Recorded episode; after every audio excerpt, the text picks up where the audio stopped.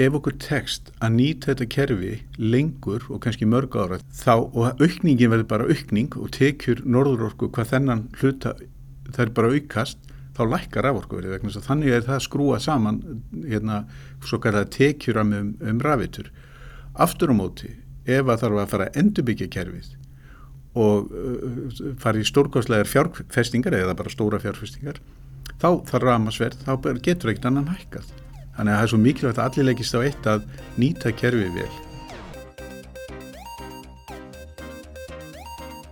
Velkominir kæru hlustendur í Rafbíla Hraðvarpið. Ég heiti Tómas Kristjánsson og er stjórnandi þáttarins í dag. Með okkur er, núna er hann Helgi Jóhannesson, forstjórið Norðurorku. Sælverstu? Sæl. Hvað getur þú sagt okkur um eh, hlutverk Norðurorku? Norðurorka er svona típist veitfyrirtæki sem er í eigu sveitæðilega við EFRð og við eh, erum með ramastreifingu, við erum með hittavita á Akureyri og Nágreini, eh, vassvita á Akureyri og Nágreini og svo rekkum við frávita á Akureyri líka. Þetta eru svona megin hlutverkin, síðan erum við nú einnig að framleiða metan og framleiða reyndar lífdísi líka og svona ímislegt annað en þetta eru svona megin hlutverkin í rekstari fyrirtækisins. Já, eh, hefur hérna hlutverkin eitthvað breyst með, með tilkomuður ábila? Nei, það hefur það nú ekki ennþá en uh, að því að við hefum náttúrulega verið með ram, ramastreifing á Akureyri í gegnum, ég er líklega síðan bara 22 síðan ramagni kom en þetta eru auðvitað nýjar áskoranir að, að dreifa ramagni fyrir ramaspíla, ég er ekki að segja að það sé ánöðu á kerfinni núna en, en við finnum að þrýstingurinn er aukvast. Er komin einhver svona marktæk aukning á rávorkusölu til heimilan á Akureyri? Nei, við sjáum það ekki. Ramasalega á Akureyri hefur verið, eða dreifingin okkar sem við mælum, hún hefur verið nokkuð jöfn síðastlinn tíu ár og uh, þrátt fyrir að þessu býður alveg gríðarlega marga nýjar íbúður á hverju ári og, og, og það hefur bæst við íbúafjöldan. Þannig að sá sparnaði sem er bara í gangi í heimilistækjum, perum og öðru slíku, hann, hann verist vera sko meiri heldur en, heldur en aukningin vegna íbúðana og þrátt fyrir ramaspíla, nú erum ef við fyrir eitt með um 400 reynir ramaspílar á akkurir og alls ekki svona 1100 plugin við sjáum þá ekki í kerfinu allaveg ekki eftir 2020 Ok, það er aðteglisvægt Gefum okkur það hérna eh, eftir fimm ár verði helmingurinn af aukumunum á akkurir kominur á reyna rafbíl. Eh, er einhverju flöskuhálsar í kerfinu ykkar? Já, já, það, það verða það. Sérstaklega er það það má segja við getum hugsað okkur ef allir ætlaði að taka þetta afl út úr kerfinu á sama tíma þá, þá mun kerfi steinleika það er nokkuð ljóst, allavega einhverjir, einhverjir hálsar í því. Aftur á móti ef fólk tekur þessu orgu út yfir lengri tímabil þá ætti þetta að gengið almennt. Ég held að, ég var nú að skoða það að við erum með svona 130 miljónir kílvastund á ári á akkurir og toppurinn okkar er einhvað kringu 25 megawatt. Almennt á Íslandi þá er það þannig að hver íbú er yfir með svona 1 kilowatt á íbú á ári. Það er svona, það er svona toppurinn hjá hverjum og einum.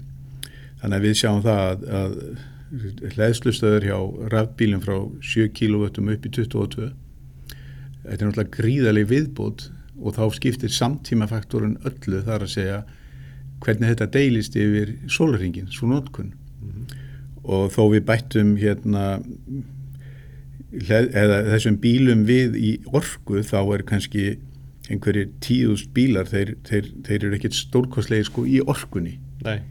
en aftur á móti í aflinu aftur, og aftur þá spurningin með hlæðslustöðuna þá, þá getur það kollvarpa kerfinu mm -hmm. og kannski bara til þess að, að fara aðeins yfir það hvað hvernig þetta er skrúað saman þá er svo mikilvægt að allir takið, þetta er bara eitt stykki dreifikerfi byggt upp ákveðin hátt til að þjóna svona kannski meðal húsi, meðal, einbílshúsum yðnaði og fjölbílshúsum öllu því. Og ef okkur tekst að nýta þetta kerfi lengur og kannski mörg ára þá, og aukningin verður bara aukning og tekjur norðurorku hvað þennan hluta er bara aukast þá lækkar raforkuverið vegna þannig er það skrúa saman hérna svo kallar tekjur um, um rafitur aftur á móti ef að þarf að fara að endurbyggja kerfið og uh, fara í stórkostlegar fjárfestingar eða bara stóra fjárfestingar þá þarf ramasverð, þá getur ekkert annan hækkað. Þannig að það er svo mikilvægt að allir leggist á eitt að nýta kerfið vel og, og þessi munu kannski á orku og afli þannig að svo kannski ekki öllum tamt og bara eðlilega þá getum við hugsað sér það að ef maður er með hlæðslustöð upp á 24 kW og tekur aflið úturinn í 1 klukkutíma þá ertu með sólaringsnotkunna í, í orkunni semst 24 sinni með tími 24 kilóstundir á móti getur við verið með hlæðslustöð sem væri sko 1 kW og nota hann í 24 tíma og þá ertu aftur komið með 24 kilóstundir í orku. Þannig að þetta er svo gríðalegu munur fær sem sömu orkun út á einu sólaring annar tók 1 kW í 24 tíma og hinn 24 kW í, í 1 tíma sama orkan. Þannig að, að það skiptir svo miklu máli að maður deilir þessari, þessu afli yfir á, á sólaringinu yfir á tíma. Mm -hmm. ekki kannski 1 kW í hlæðstuði, það er ekki vist að þetta verði ánæg með það. En það þurfi ekki að vera endilega sko 24 eða 22 kW Já, þannig að áherslan er á það að fólk stillir svolítið stærð hlæðslustöðun í hóf. Já, og, og kannski allar heimtjóðar sem eru lagðar að húsum bara hvar sem er uh, fólk hefur auðvitað keift sína heimtjóð á sín tíma að ákveðinni stærð til þess að nýta fyrir þá starfsemist að þá var í húsinu eða hvernig það nú er. Og síðan gemur ný viðbót og segjum að það er konið tveir bílar og tvær leðstustöðar og þá er hlaða á sama tíma og svo farið veldað þá er það nokkuð víst að ef að þetta veri gert í einhverju hverfi sem er tengt einni dreifistöð þá er mjög líklegt að þetta kerfi berið það ekki þannig að, að og, og þá kannski þarf fólk að ákveða sér vill að stærri heimtök eða getur það og einhvern hátt drift þessu afli yfir lengri tíma? Og þá með því að bílar sé ekki að hlaðast á sama tíma eða bílar ekki að hlaðast á sama tíma og verða elda og þá eru ímsa leiðir í því eins og kannski þreif á stopninum sjá hvernig honu líður með sitt afl og, og kannski láta hann stýra eða þá þreyfing á stofninu þar sem er að kanna hversu mörg amperu kannski að fara um hann eða, eða afl og dreifa þannig og stýra hlæðslunum það er líka til. Við dreifvetun höfum ekki eins og, og málunir í dag við höfum ekki hérna boðvald yfir því að, að stýra hlæðslu einhverja sem eru búin að köpa sér sína heimtug þannig að við verðum mjög líklega að finna leiðir til að hvað sé að hafa uppi einhvern verðstruktúr sem að segja, hvetur nothandan á hinnum endanum til þess að dreifa sínu afli mm -hmm. Já, uh, ég myndi með talda að sko ef það er einhver svona gullrót fyrir endanótandan að passa sjálfur svolítið upp á, upp á afli sitt að þá er spurning hvort að það myndi hafa marktæk áhrif á hlæðslu höfðun fólks og þá er einmitt spurning hvort að það sé sko mismunandi gjaldtaka með við tíma sólarhengs eða hvort að væri nóg að reyna að útskýra fyrir fólki bara, heyrðu, ef allir alltaf bara stilla hlæslustöðuna sína í hóf, þá þurfum við ekki að fara í innvið uppbyggingu, þá lækkar verð, verðið á rámagninu. Maður auðvitað myndi vona að það veri nóg að, að upplýsa fólk og fræða það, en ég reikna nú ekki með þessi nóg. Nei þannig að, að og við erum þannig öll sko, það er ekki bara eitthvað annað fólk, ég líka þannig að e, það eru þetta áskorin hjá dreifiveitónum að finna upp eða hugsa upp kerfi sem kemur okkur öllum til góða. Og e, það er þó þannig að fólk kannski er að borga einhverjar 14-15 krónu fyrir kílófastundina heima hjá sér svona almennt.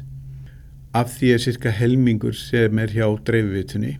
Og ef þú breytjar það svo niður þá er það virðusaukaskattur það er jöfnunagjald og það er flutningu landsnits sem er semst bara uh, flytja rafmagni eftir kerfi flutningskeru landsnits þannig að eftir stendur kannski einhverstar á bílinu segjum bara 5 krónur 4,85 krónur sem er þá okkar hlutur.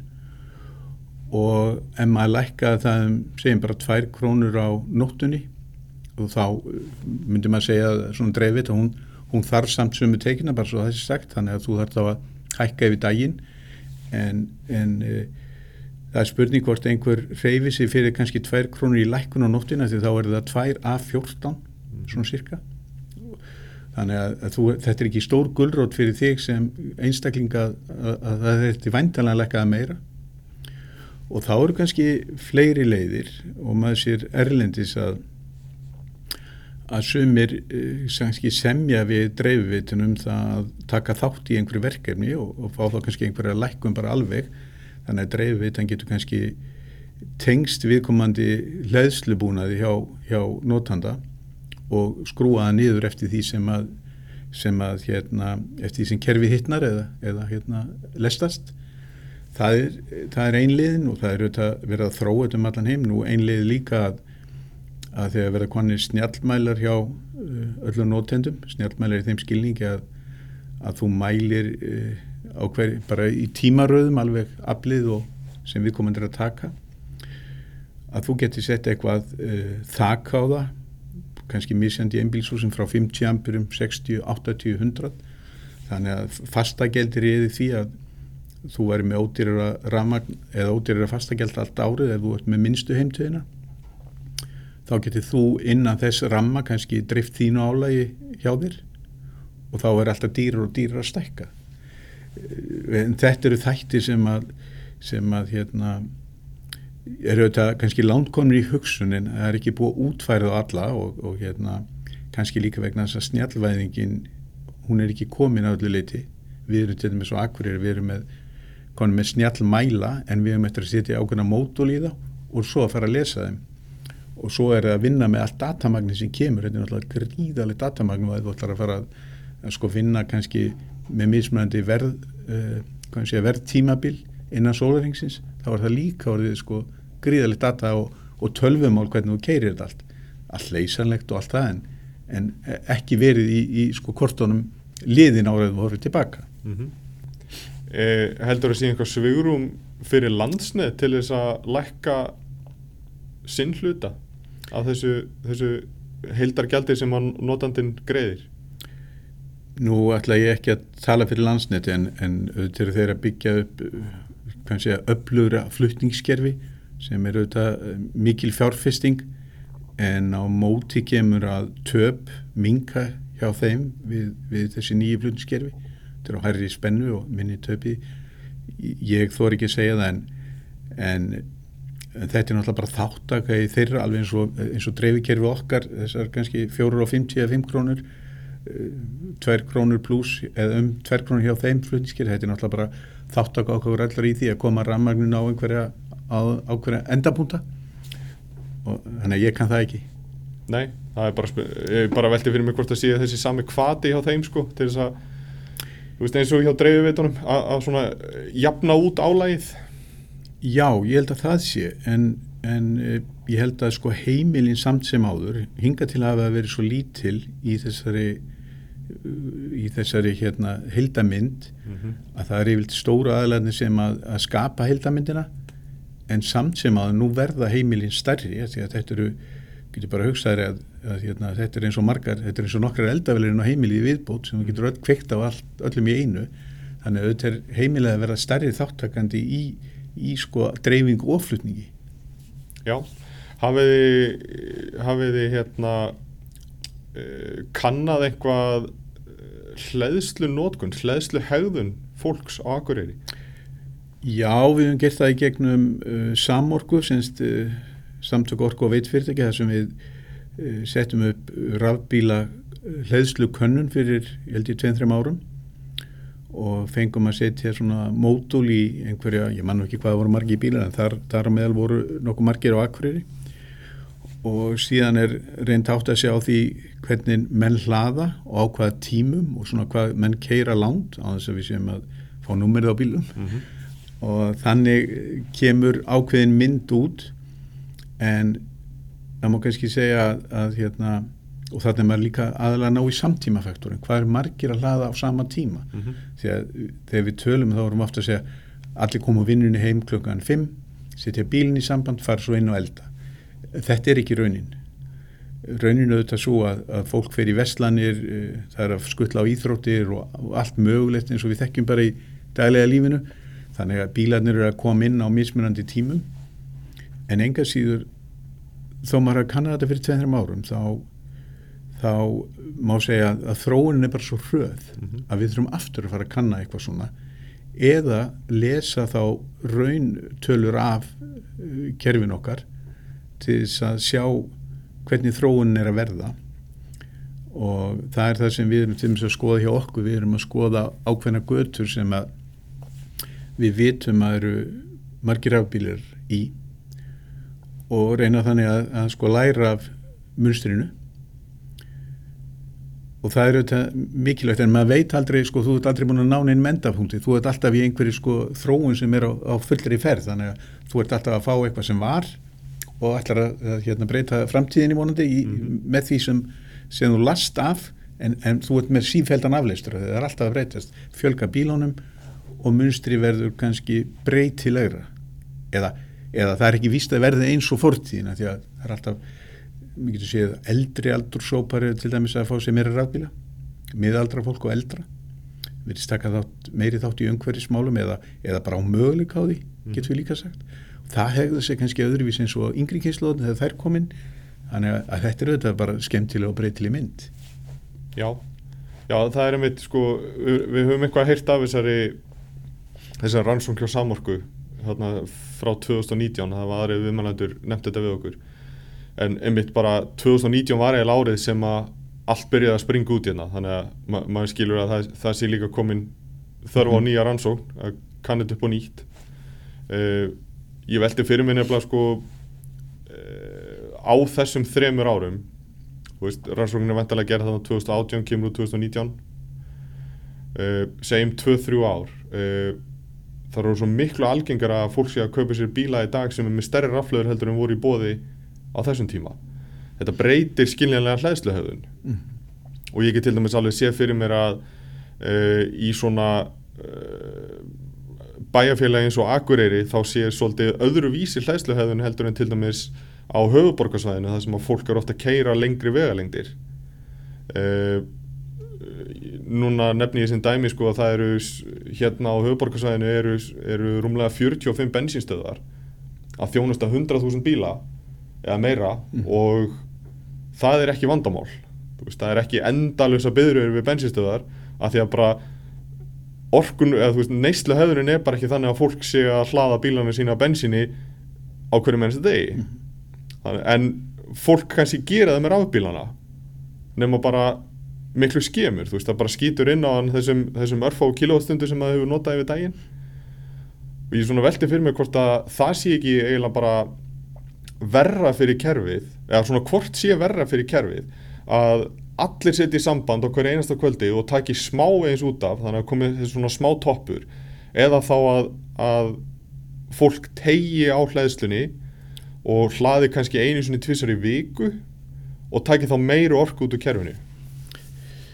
Já, þetta er um góð spurning en alltaf þeirri við svarinni ég, fyrir, þetta fer aftur eftir stærð hlæðslustöða Já. Það virðist verið svolítið monti því fyrir ekki að ég lesa bara þannig, svona monti því að vera með stóra hlæðslusu, getur sagt að er með 22 eða stærri að þryggja fast og svona, ég held að mjög fáir hafi eitthvað með þetta að gera. Já, ég samála því. Og ef þú keirir sko 15 km ári þá er ekki, þá er ekki mikið sem þart á hverjum degi til að hlaða Ör, þú, og þá er það spurningum að stóra fína hlæðslustöðin, hún er kannski í gangi bara hálftíma, kannski klukkutíma á meðan að kannski 7 kW eða minna, hún er þá í gangi bara þrísasunum lengur almennt. Mm -hmm. og það er miklu meiri, syns, það er miklu, það er miklu betri hegðum frá okkur séð og kerfinu. Og þannig getur við nýtt kerfi lengur. Þannig að, að þetta fer svolítið eftir í hversu stór stuðin er, hvort það er betra að fólk sé að hlaða sko alla daga. Ef allir er með stóru stuðin og setja aftur í samband kl. 5-6 á daginn þá er náttúrulega gríðalög toppur þá. Mm -hmm sem dettur svo bara niður eftir klukktíma sem dettur svo bara niður eftir klukktíma 2 þá ja. er það bara búið, dagsnótkunn þannig að það er eiginlega betra eða það er betra frá okkur séð að fólk sem er minnilega stöðar og séða bara bílinn lengur í sambandi. Þannig að aflýsi tekið út á lengri tíma eða orkan. Mm -hmm. og uh, og svo náttúrulega um helgar er yfir kerfin minna lestuð. Ef þú ert allavega sko hildarkerfi það, við erum þó ekki trætt við hildarkerfið okkar, við erum miklu trættari við hvað ég segja, þegar lengra er komið út í dreifikerfið. Það er einn dreifistöð, hún deilist út í götukassa, götukassaðinni dreifast yfir í heimili, þannig að heimilin og kannski heldanótkunni kerfinu fari ekki endilega saman að það er yðnaðurinn sem skapar sko toppana yfir daginn. Þannig að, að ég held að sé, ég, ég treysti mér allavega ekki til þess að, að segja hvort það er betra því það fer svo mikið eftir hliðslustöðum nú til þess er ég búin að eiga ramaspíl í hvað á þriði ár. Ég er ekki með hliðslustöð heima og hef ekki verið. Og það er vegna þess að ég bý eh, svo vel að vinnveitandi minn hann er með já, plan, bílaplan fyrir einhverja 70 bíla og það eru, eru hlæðslu sko það eru einstungur, ef við getum sagt sem svo Mhm. við hvert einast bílastæði, þannig að ég get bara á mótnana ef ég kem á bílum, sett hann í samband annarkvæð þar eða farið í hlæðslustöð sem er þá 22 líklega eða 211 held ég Mhm.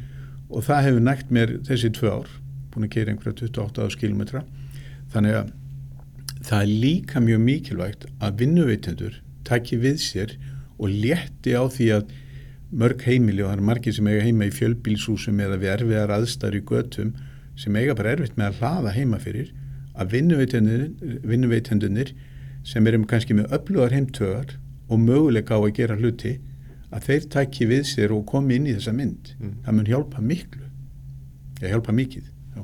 Já, það, sagt, e, þetta er þá þannig að, eins og segir, að því að vinnuveitandanum er nú þegar með öfluga heimtög, Gjarnan, já, já, að þá að hann miklu auðveldara með að bera þetta heldur en e, stopnin í götunni heima hjá þér. já og vinnuveitendin á kannski líka kost á því að setja upp sko hlæðslubúna sem vaktar heimtögina og dreifir þá álæginu yfir daginn og milli stöðvana Mm -hmm.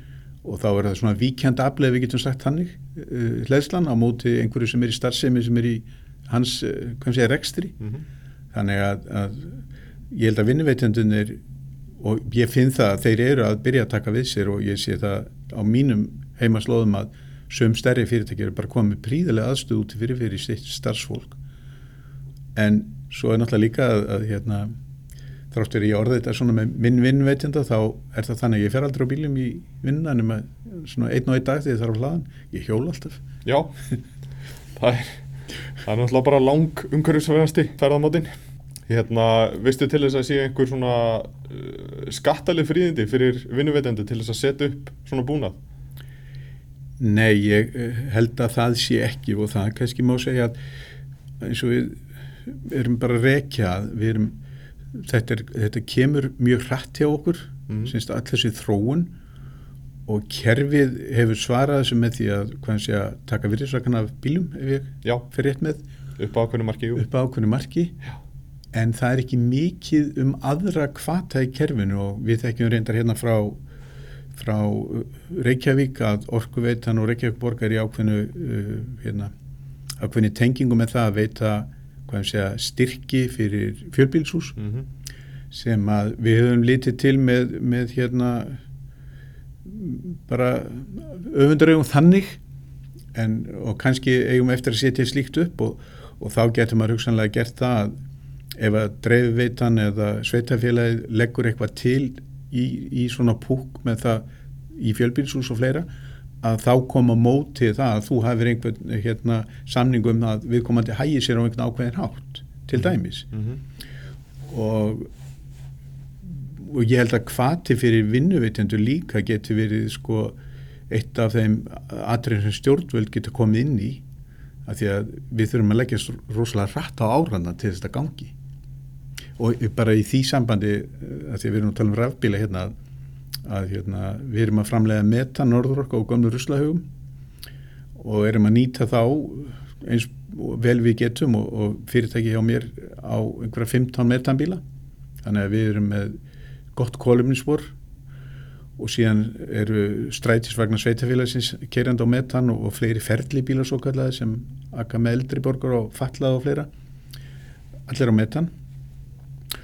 Að við höfum ekki fengið sko já, kannski hefum ekki plús í kladdan eh, fyrirtæki fyrir að standi í þessu en, og sveitafélaga því að þetta er nú ekki sveitafélagsins en hérna eh, svona lítil umræði verið þessa átt eða, eða kvatar frá hendi stjórnvalda til þess að ítókur áfram og styðja þannig að það er margt eftir í þessu.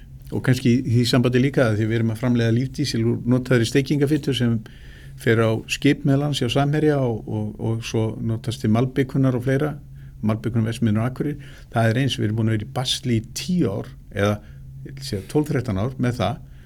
Og höfum greitt með þessu og Norður okkar eignaðist þetta fyrirtæki af því að það fóri nánast í gjaldrótt en við höfum ekki viljað að gefast upp. Við höfum sagt þetta, hvort tvekja metan og, lífdísil eru púsl í svona umhverfisvætni framtíð. Mm -hmm. og við höfum viljað leggja okkar að mörgu af því að við erum bara samfélagsverkefni í fyrirtækið. En samt sem áður uh, höfum við einhvern veginn litla aðstóð fengið úr kerfinu ef ég orða það þannig til þess að, til þess að standa í þessu basli, við erum alltaf undan samtímanum. Mhm. hann er alltaf á eftir okkur. En raf, í rafbílunum þá má segja við sem á eftir samtíman, hann er á fullir ferð. Já Já, já, það er oft svona í frumkvælu umhverfi að, að hérna, regluverki fylgir svolítið langt á eftir sko. mm -hmm. Hefur einhverja tilfinningu fyrir að þurfa að virka meira til þess að standa ströym af, af hérna, rafbílavæðingu Akureyrbær? í okkar tilfelli eh, þá erum við náttúrulega bara púsl í heildarkerfinu Já, já, og það má segja að, að hérna, 25 megawatt sem Akureyrar bæri er að taka núna í toppi 23-4 svona að jafna því það er auðvitað ljóst að ef að koma tíðust rammarspílar þá, þá eru þau nokkuð mörg megawatt í viðbót og þá er það aftur spurningum að dreifa aflinu. En það sem er góð, gott hjá okkur núna og við erum afskaplega ána með það er að landsneti er að byggja upp sterkara flutningskerfi að okkur. Mm við höfum verið svona bara á stað það sem er ekki hægt að þróa samfélagið með svona stærri hvað sé að orkuðnótkun stærri eða millistærri hvað sem það nú kann að vera. En núna erum við að fá sterkari tengingu að austan frá kröflu inn á Akureyri -hmm. sem að vaflust tengist á næsta ári þannig að Akureyri og þeir má segja stert tengt Austurlandi og, og Norðurlandi öllum þeim virkinum sem þar eru. Og eftir kannski 5-6 ár þá væntum við að við séum orðin stert teng líka eða með góða tengingu vesturum. Og þá erum við komin á mjög góðan stað og við erum búin að býða eftir þessu í mörg ár og berjast fyrir þessu þannig að, að við svona sem, bara hlutur af eða svona partur af samfélaginu í, á heldin í landinu þá erum við afskaplega vel sett en, en það er alveg ljóst að samorka hefur svo aftur hort á stórumyndin og sagt eða, eða bara miða við þá þróun sem við erum að verða fyrir og samtíma faktora aðra og, og, og hvað þyrti til að skipta út bara jarðefnaelsniti fyrir ramagn þá er, þá er það búið að leggja fram bara hvað þarf samfélagi þá mikið afl eftir 10 ár, 20 ár og svo framvegis Já, og það eru auðvitað heilmikið sem þarf já. En sem sagt áætlanir eru allar bara keirandi á því að, að hérna, það verði rafbílavæðing og endur nýjarlegir orkugjafar keiri samgöngunar á Íslandi. Ég held að það sé ekki neins spurning. Uh, Það kann að verða sam, að skrúa saman úr ímsum þáttum. Þessi almennu bílar séu ramarsbílar, þungabílar séu meira metan, svo kemur vetni vamtilega meirinn og, og það sem er kannski merkild við vetniða því að uh, fólk ræði svo oft um það að, að það kom eitthvað að jöfnu sinst, uh, ramagn og vetni en, en ef þú ert með vetni sem millili þá þarftu hvað, cirka 2,5 eða 2,7 meira ramagn til þess að knýja þá vetnisbílin áfram að því að það er bara meiri töp í framlýslu og, og notkun Mm -hmm. Þannig að, að það þarf þá meira ramagn ef, ef að svo mynd væri dregin upp þannig, þannig að allt er verið þetta að skrúa saman úr einhvern veginn þessum, þessum púslum en jarðefna elsni til hýtur að feita út á einhverju tíma en, en það er þó margt að því ég er landsbyðamaður sko þá, þá hugsa maður líka að, að e, ef maður er í borg þar sem að maður fer alltaf bara kannski að radíusin í borginni Mm -hmm. þú þarf kannski ekki fjörhjóldrefin bíl, þú ert ekki stóra jeppa eins og þú kemur út á land þar sem vegalengdir eru langar, þú ert konar fjörhjóldref þú ert kannski stærri rafluð og fleira að, að og þess vegna koma jarðefnelsnið spílar sko oft sterkar inn þar bara vegna þess að fólk telur sér þurfa í, í þeim aðstæðum sem það býr Mm -hmm. þannig að það er, það er svona maður má ekki gleyma því líka hvernig það er svo aftur tengt sko borgarumhverfinu borgarumhverfi getur við svara miklu fyrr Mhm. Já, já, mér heyrist þú öllu að bara eh, svona framtíðar áallinni séu bara í nokkuð góðum gýr. Það er að koma upp svolítið trend núna í Evrópu að, að hérna, eh, einstaklingar er að framlega sitt eigi ramagn. Þetta hef ég heyrt að sé ekki ennþá möguleiki á Íslandi. Hefur einhver skoðun á þessu?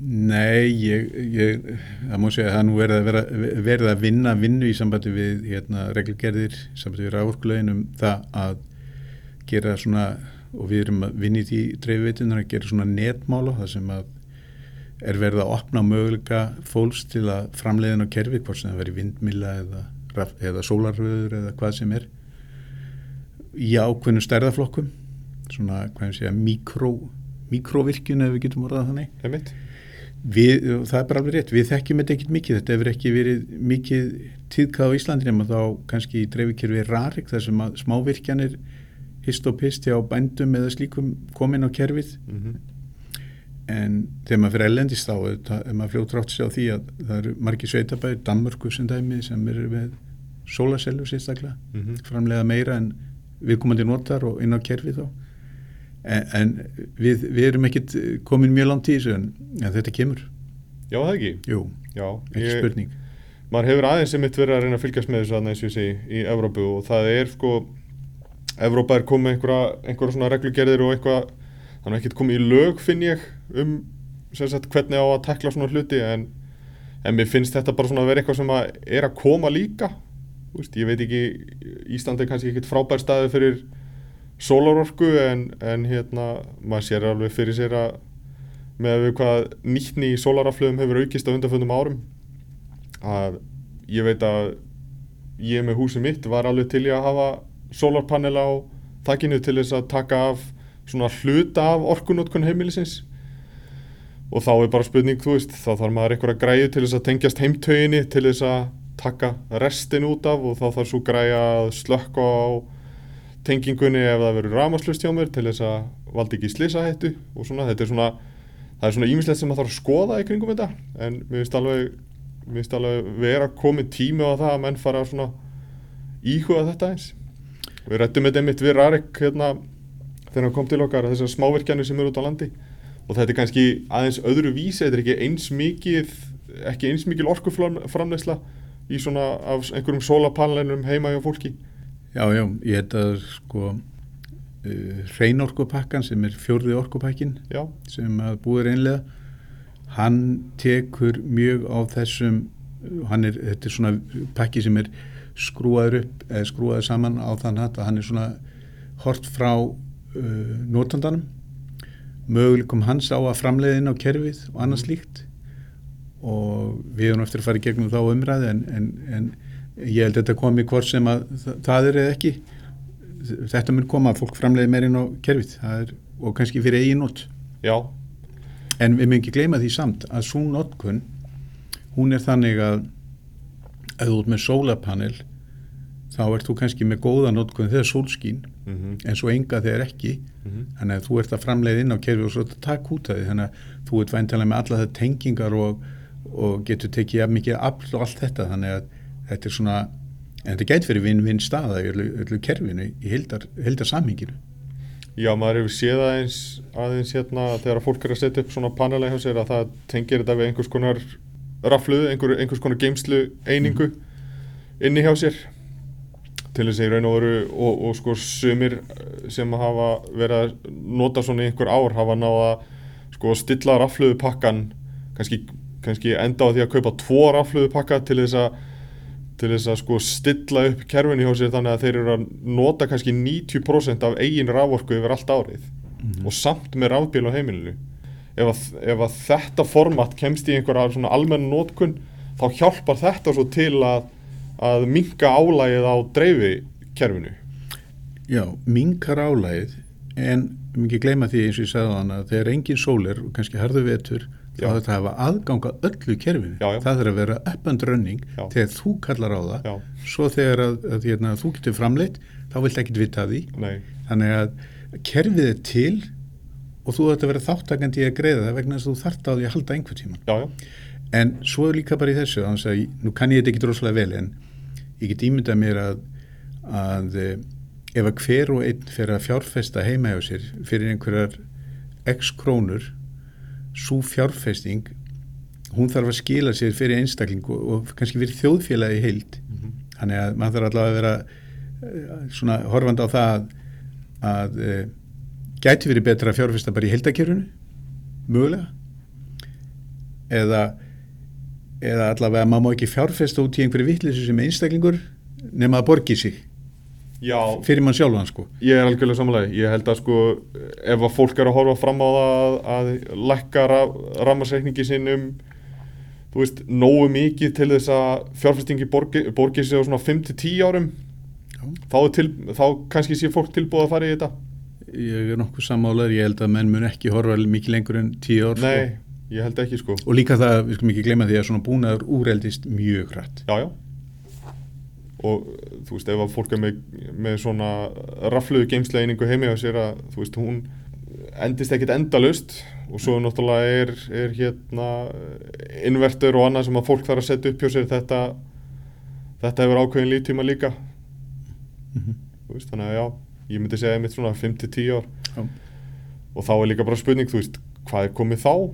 akkurat um leið og, um leið og þetta kemst í einhverja almenna nótkun og, og það verður algengar að fólk fyrir að nota þetta þá, þá sjáum við náttúrulega alveg þá myndum við náttúrulega sjá alveg sama uh, sömu þróunu eins og varði í rafbílunum sem byrjuðu rosalega rólega til þess að byrja með og svo loksins þegar að svona fólk kveikt á þessu að þá allt í einu streymdi peningurinn inn í þróununa og, og í dag eru við með, þú veist, yfir, yfir 50 bíla sem að Íslandinga geta keift sko.